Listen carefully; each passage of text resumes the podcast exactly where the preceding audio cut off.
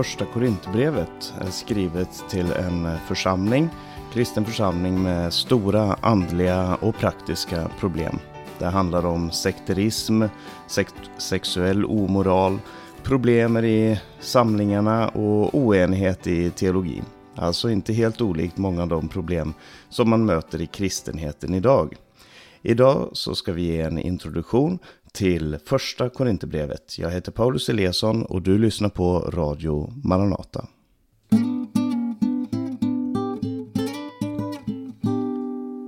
Första Korinthierbrevet, ja det hittar du i Nya Testamentet, ibland eh, aposteln Paulus brev. Det är Paulus andra brev i vår kanon eh, som vi har lagt upp i Bibeln. Eh, du har Romarbrevet först, så har du första Korinthierbrevet. Eh, men det är inte kronologiskt uppdelat. Och det här är, ett, som jag sa i inledningen här, ett väldigt praktiskt brev som eh, där aposteln Paulus behandlar problem som man hade i församlingen i Korint. Och författare till brevet, ja, som jag, redan, som jag redan har sagt, aposteln Paulus. Och för en gångs skull eh, så är faktiskt det här inte omdiskuterat. Det här är ett av de brev som eh, de allra, allra flesta är eniga i är ett autentiskt eh, brev av eh, Paulus. Och anledningen till att Paulus skrev det här brevet, ja, eh, det var så här att, som man kan läsa om i Apostlagärningarna, så grundlade Paulus församlingen i Korint på sin andra missionsresa. Då han tillsammans med Silas reste över från det som idag är Turkiet till det som idag är Grekland. Han reste igenom de här eh, städerna som var där, eh, Filippi, Thessaloniki, Berea och så vidare, Aten. Och han kom också till slut till församlingen i Korint, eller han kom till Korint innan det var en församling där. Och det här handlar ungefär om tiden mellan 50 och 51 efter Kristus. Så det är en stad i nuvarande Grekland, den finns där fortfarande och man kan, se, man kan gå och se ruinerna ifrån det antika Grekland. Jag hade förmånen att vara där eh, i fjol. Eh, och se de här ruinerna och där, de platserna där man menade, menar att eh, aposteln Paulus rörde sig på den här tiden. Och eh, Korint, vad var det för slags stad? Ja, det fanns en, en, eh, en person på eh, några hundra år före Kristus som hette Aristofanes som uttryck, myntade uttrycket korintisk, att vara korintisk. Eh, och det var ett sätt att beskriva eh, en person som levde i väldigt sexuellt, ett väldigt sexuellt utsvävande liv. Eh, väldigt promiskuöst helt enkelt. Och anledningen till det var att man i eh, Korint hade bland annat ett Afrodite-tempel. Och i de här eh, templen som Templet till Afrodite som då var en fruktbarhetsgudinna. Så, så eh, hade man det också. Eh, så hade man också då väldigt många prostituerade.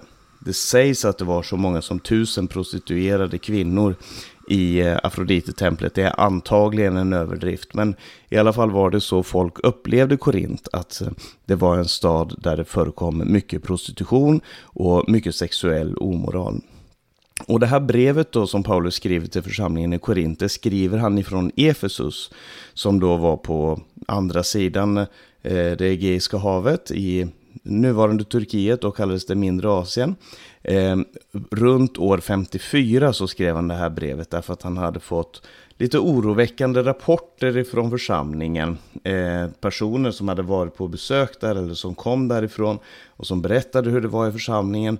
Och som det skapade oro då hos, eh, hos aposteln.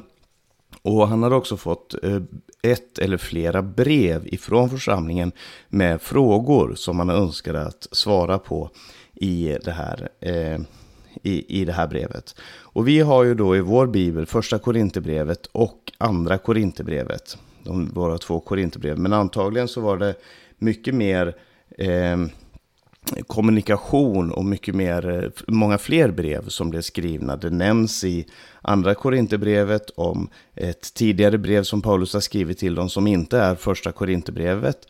Eh, och det nämns också eh, om brev som församlingen i Korint har skrivit till honom vad handlar då första Korinthierbrevet om? Ja, man kan säga att den är uppdelad i fem delar. Eh, den första delen handlar om ett, och varje del handlar egentligen om, om problem som de har i församlingen eh, och som Paulus då försöker analysera, och bemöta och förklara och led, rättleda församlingen. Det första problemet var det att han hade fått en rapport om sekterism i församlingen, att man delade upp församlingen i olika grupper. Den andra delen handlar om sex och äktenskap. Den tredje delen handlar om mat. Den fjärde delen handlar om samlingarna, mötessamlingarna som man hade. Och den sista delen handlar om uppståndelsen. Och för att förstå Eh, första Korinthierbrevet och egentligen alla brev, men jag, jag skulle vilja säga eh, framförallt första Korinthierbrevet så är det väldigt viktigt att eh, se vilken genre det är skrivet i. För att det är en så kallad epistel, eller som är ett fint ord för brev. Eh, och i en epistel så, så hör man en sida av en konversation. Det är lite som att höra ett telefonsamtal och bara höra den enas tala. Eller som att höra en brevkonversation men bara få, få tag i ett brev. Man måste försöka ta reda på vad är det som händer i texten utan att man egentligen vet vad de andra har skrivit. Så utifrån det som skrivs där så måste man försöka eh, ta reda på vad kan ha varit problemet som var som han försöker bemöta här. Och eh, man, vi måste också veta att förstå att första Korinthierbrevet, även om det innehåller mycket undervisning om Gud, mycket förklaring av vad evangeliet är, så är det inte en teologisk avhandling. Och därför kan man inte alltid ta de bibelord som skrivs och applicera dem direkt på oss, utan man måste fråga sig vad betyder det här för församlingen i Korint? Så först måste vi se det som en konversation mellan aposteln och församlingen innan vi kan se det som en konversation mellan Gud och oss. Nu ska vi gå in i den här texten.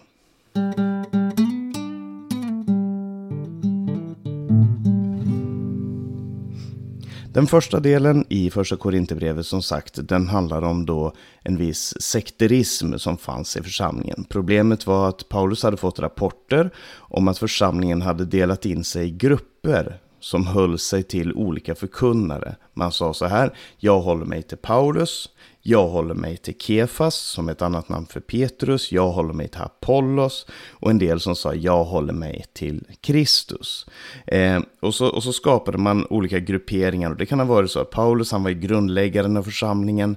Petrus han var ett ögonvittne till Jesus. Apollos var en mäktig bibellärare.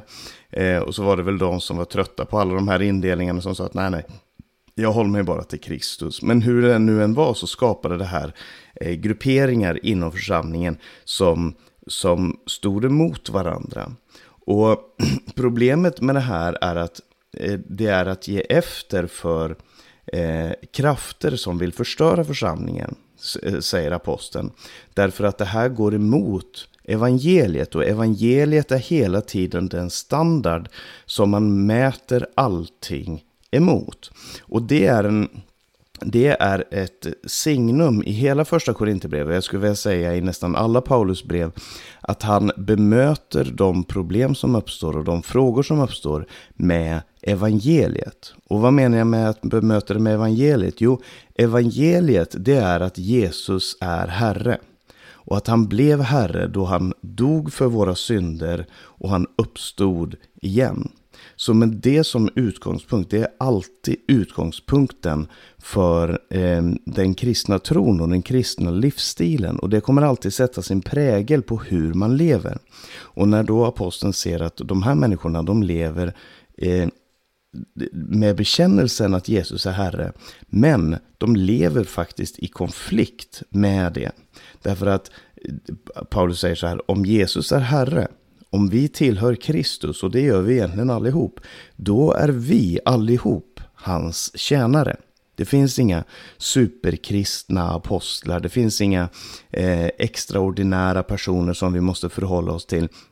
För vi är alla tjänare. Apollos är en tjänare. Och han säger så här, jag vattnade, jag planterade, Apollos vattnade, men Gud gav växten. Och med det så beskriver han arbetare i ett, på ett eh, fält som, som eh, samarbetar för att det ska ge växt. Och säger att det är helt onödigt att sätta upp de här två förkunnarna mot varandra.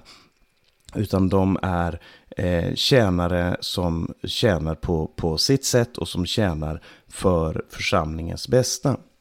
Och även om vi inte har det samma problemet idag, eh, du och jag, vi kanske inte har sekterism i våra församlingar, men jag tror nog ofta att vi har det faktiskt. Men man kan använda samma princip för att eh, förstå, eh, alltså i varje situation, varje sak som församlingen gör och varje ting som vi möter så kan man använda den samma principen. Vad, hur står det här mot evangeliet, att Jesus är Herre? Eh, Eh, är det ett naturligt resultat av att Jesus är Herre eller är det en eh, är det en praktisk protest mot att Jesus faktiskt är Herre? Det är saker som man måste fråga sig. Och det kan vi se också i den nästa delen som är kapitel 5 till kapitel 7 som handlar om sexualitet och äktenskap. Och här hade Paulus först fått rapporter om att det var en man som hade gift sig med sin styvmor, alltså sin fars hustru. Och som, eller om man hade gift sig, men han levde i alla fall i ett förhållande med henne som var ett eh, incestuöst förhållande. Dessutom hade han hört om, om eh, församlingsmedlemmar som gick till prostituerade. Som sagt, Korint var en stad där prostitutionen var otroligt utbredd. Det var en naturlig del av, av kulturen. Det var så man gjorde, det var så man levde. Och det fanns alltså kristna som inte hade förstått att när man blev kristen, när man gav sitt liv till Jesus, så började man leva ett annat liv. Och dessutom så fanns en okunskap angående äktenskapet som hade gjort att de hade skrivit till Paulus och frågat hur är det i den här situationen, i den här situationen. Eh, de hade väl då mött olika situationer där någon vill gifta sig, någon vill inte gifta sig. Eh, var det bättre att inte vara gift än att vara gift och så vidare. Och det kan verka som eh, otroligt märkligt att sådana här problem uppstod. Men igen, kom ihåg den kulturella kontexten. Eh, och det är väl kanske inte så märkligt även om det idag eh, sällan föregår i så öppna, eh, på så öppet sätt så är det många, många församlingar och jag skulle vilja anta de allra flesta församlingar som faktiskt har problem med de här frågorna på ett eller annat sätt. Och vad kunde man ha haft, eftersom man nu gick öppet tillväga, man var till och med stolta över det här att en man som har gift sig med sin styvmor, man såg inte det som ett stort problem med församlingsmedlemmar som gick till prostituerade och så. Vad kunde man ha för försvar som kristen för ett sådant beteende? Det verkar som att man i Korint hade det här försvaret att ja, men vi är fria i Kristus. Kärleken är det viktigaste och det spelar ingen roll vad man gör med sin kropp för det är ändå anden som ska bli frälst och så vidare. Man fann alltså eh, man använde en tvivelaktig logik och kristna begrepp för att försvara det som man själv, de lustarna som man själv bar på. Och i mitten av den här texten, jag sa att det här är kapitel 5 till 7, och i kapitel 6 och vers 10 så säger aposteln Paulus så här. Vet ni inte att orättfärdiga inte ska få ärva Guds rike? Bedra inte er själva varken sexuellt omoraliska eller avgudadyrkare, varken äktenskapsbrytare eller de som utövar homosexualitet eller som låter sig utnyttjas för sådant. Varken tjuvar eller giriga, varken drinkare, förtalare eller utsugare ska ärva Guds rike. Sådana har några av er varit, men ni har tvättats rena, ni har blivit helgade, ni har förklarats rättfärdiga i Herren Jesu Kristi namn och i vår Guds ande. Här säger aposteln Paulus, det fanns de ibland er som var sexuellt omoraliska, avgudadyrkare, äktenskapsbrytare, homosexuella, tjuvar, giriga, drinkare, förtalare, utsugare. Men ni var sådana, men ni har tvättats rena, ni har blivit helgade, ni har förklarats rättfärdiga i Herren Jesu Kristi namn. Eh, det kan ju vara intressant att se att i en eh, debatt som rasar idag när det gäller omvändelseterapi, så säger aposteln Paulus, det är faktiskt möjligt att eh, ha varit någonting och inte längre vara det. Man var en syndare, man har lämnat det. Det ger hopp för den som är en syndare. Eh, men det är också väldigt, väldigt klart att det här är någonting som man kan bli fri ifrån. Och, men poängen i det han säger är att ni som ska ärva Guds rike, ni som tillhör Jesus, ni som ska Eh, eh, regera tillsammans med honom, ni har blivit helgade, ni har blivit renade nu, här och nu. Ni ska inte eh, leva som man lever i den här världen. Ert kropp är ett tempel. Det betyder Gud bor där. Och Gud ska inte dela sin boning med andra. Det är, det, det är Eh, ett heligt och rent tempel ska det vara. Och vad vi gör med våra kroppar idag, hur vi använder våra kroppar, som Jesus har flyttat in i, det är otroligt viktigt. Att vi inte missbrukar dem, att vi inte använder dem för våra egna lustar, utan att vi använder dem för att förhärliga Jesus. Eh, så, så än en gång så är det evangelium och att Jesus är kung och att vi tillhör hans rike som är det centrala.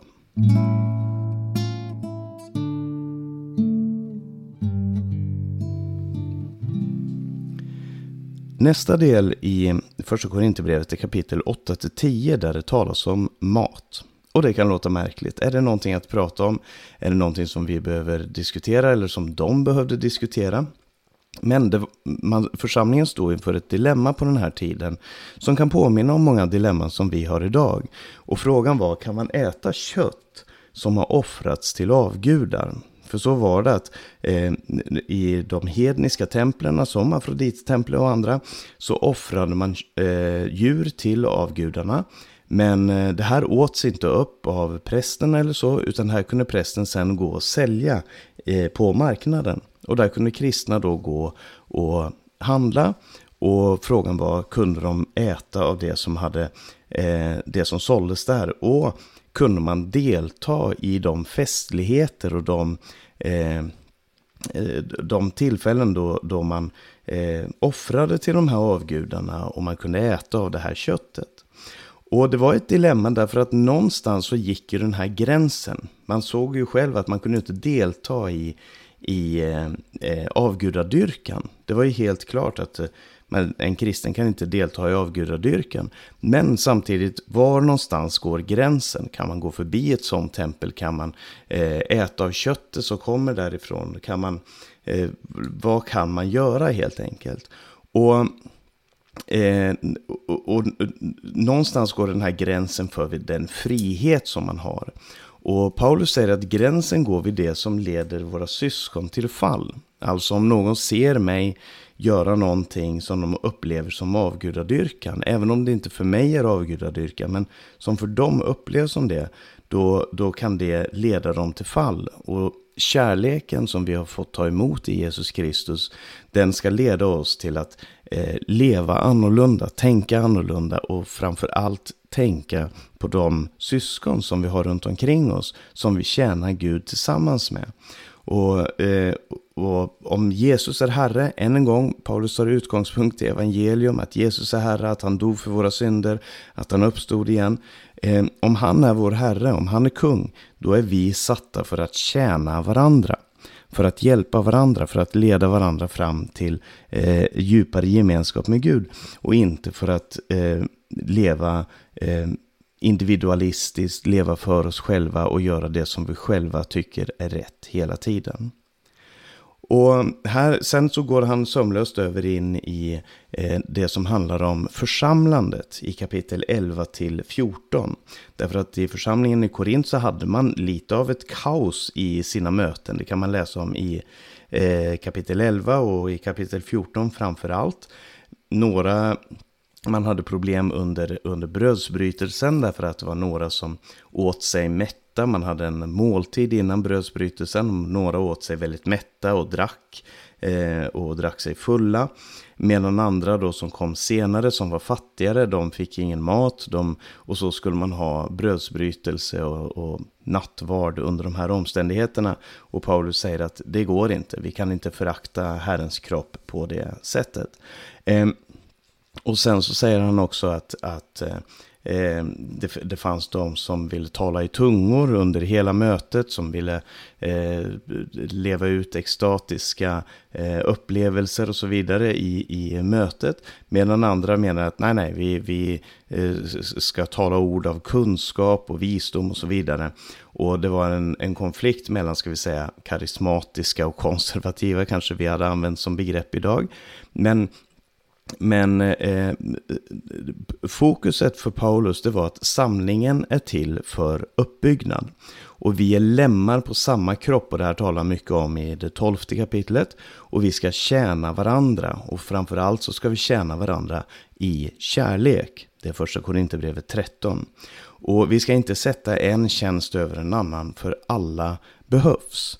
Eh, så vi ska inte eh, eh, dras med i den här sekterismen som det är så lätt att hamna i när man, när man är en församling, när man arbetar tillsammans och så är man olika personligheter. För att vi är inte förda samman för att vi är från det samma ekonomiska skiktet, det samma, samma personlighetstypen, samma intressen och så vidare. Vi är förda samman därför att vi bekänner Jesus som Herre. Och då hamnar man i de här problemen. Så alternativet är antingen att man isolerar sig, att man hittar sin speciella grupp som man tycker om och människor som man tycker att man kan leva med eh, och bara håller sig till dem. Eller att man angriper det här problemet med evangelium. Och det är det som aposteln gör. Han säger Jesus är Herre. Jesus har dött för våra synder. Jesus är uppstånden igen. Och det, eh, och det är summan av det hela. Och det är det som belyser allting som vi gör. Och sen kommer han fram till kanske det vackraste kapitlet i i första Korinthierbrevet, nämligen första Korinthierbrevet 15. Det är väl en stor en, en debatt mellan första Korinthierbrevet 13 som handlar om kärleken och första Korinthierbrevet 15 som handlar om uppståndelsen, vilket som är det vackraste kapitlet. Men jag tycker att 15 är helt fantastiskt. Eh, en del människor i församlingen var bekymrade för de som hade dött och undrade hur blir det med dem i uppståndelsen. Andra var bekymrade därför att det fanns olika teologer, eh, olika lärare i församlingen och kanske utanför församlingen, men sådana som spridde oro för att kanske uppståndelsen redan hade hänt eller kanske uppståndelsen inte skulle hända.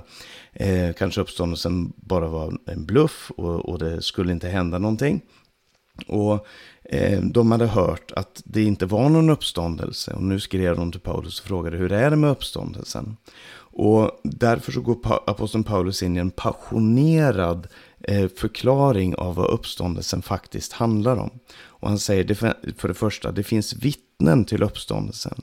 Många hundra människor som såg Jesus uppstånden. Hur kan ni säga att det inte finns någon uppståndelse när det finns många hundra som faktiskt har sett honom och som då fortfarande var i livet. Så man kunde fråga dem, man kunde prata med dem. Och aposteln Paulus säger, jag har själv mött Jesus uppstånden.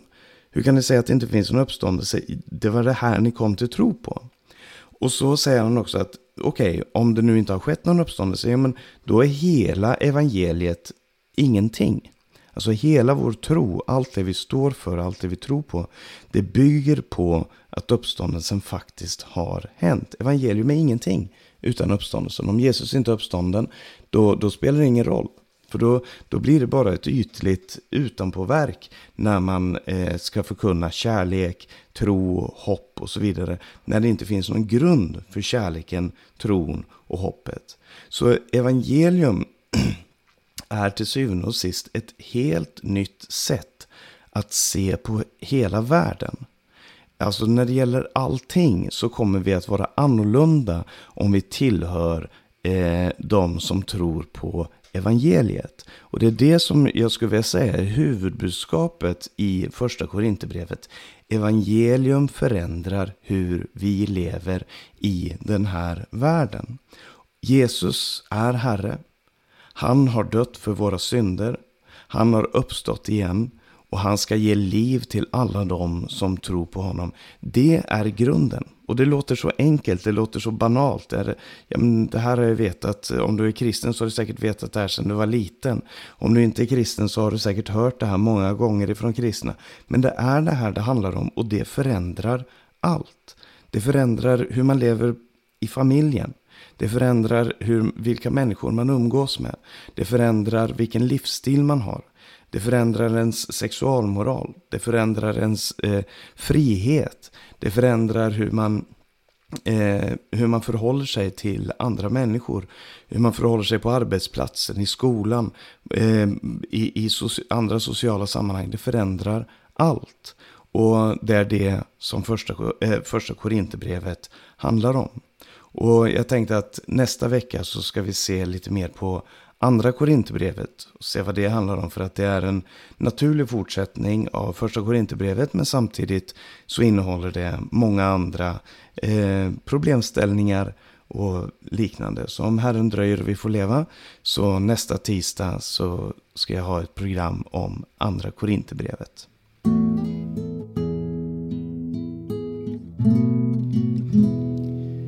Vi ska strax eh, avsluta vårt program och vi ska lyssna på sången Han är Herre på norska, en eh, inspelning som har gjorts hos församlingen i Norge. Men eh, först så ska jag ge lite information om Radio Maranata. Du har lyssnat till en podcast från Radio Maranata med mig, Paulus Eliasson. Det här programmet har sänds över Stockholms närradio 88 MHz och Örebro närradio 95,3 MHz. Sänds på tisdag morgnarna klockan 8. Sprid gärna det här programmet till andra. Eh, om du har möjlighet och tycker att det har varit intressant. Om du har frågor eller kommentarer omkring programmet så kan du skicka en e-post till info.maranata.se eller ringa 070-201 60 20. På hemsidan maranata.se så kan du höra de här programmen. Du kan se Radio Maranatas sändningstider, läsa tidningen Minnasropet och mycket annat. Eh, så gå gärna in på maranata.se också. Sprid Guds välsignelse till alla du möter. Vi hörs igen om en vecka. Nu lyssnar vi till en sång. Han är Herre, Jesus